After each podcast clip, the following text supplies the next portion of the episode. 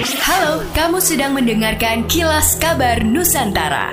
Podcast persembahan KG Radio Network menyajikan berita harian yang mengangkat keunikan dari berbagai wilayah Indonesia.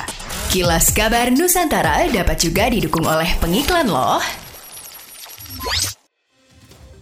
Dinas Kesehatan Kota Palembang melarang penjualan ciki ngebul pasca keracunan yang terjadi di beberapa wilayah. Kepala Dinas Kesehatan Kota Palembang, Fenty Aprina mengatakan, sejauh ini mereka memang belum menerima laporan kasus keracunan akibat mengkonsumsi ciki ngebul. Namun, untuk mengantisipasi hal yang tidak diinginkan, Dinas Kesehatan Kota Palembang sementara waktu meminta kepada para pedagang agar tidak menjual makanan tersebut. Cairan nitrogen yang menjadi bahan baku agar ciki ngebul dapat mengeluarkan asap ketika dikonsumsi diketahui berdampak buruk bagi kesehatan.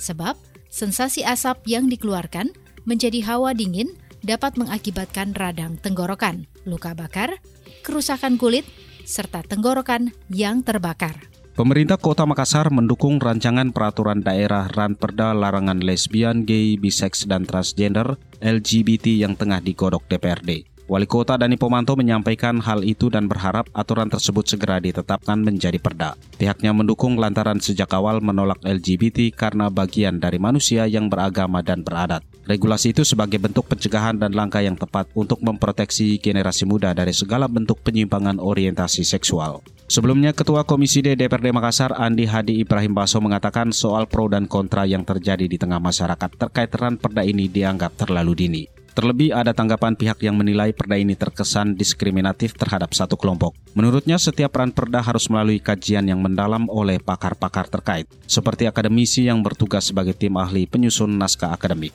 Demikianlah kilas kabar Nusantara malam ini.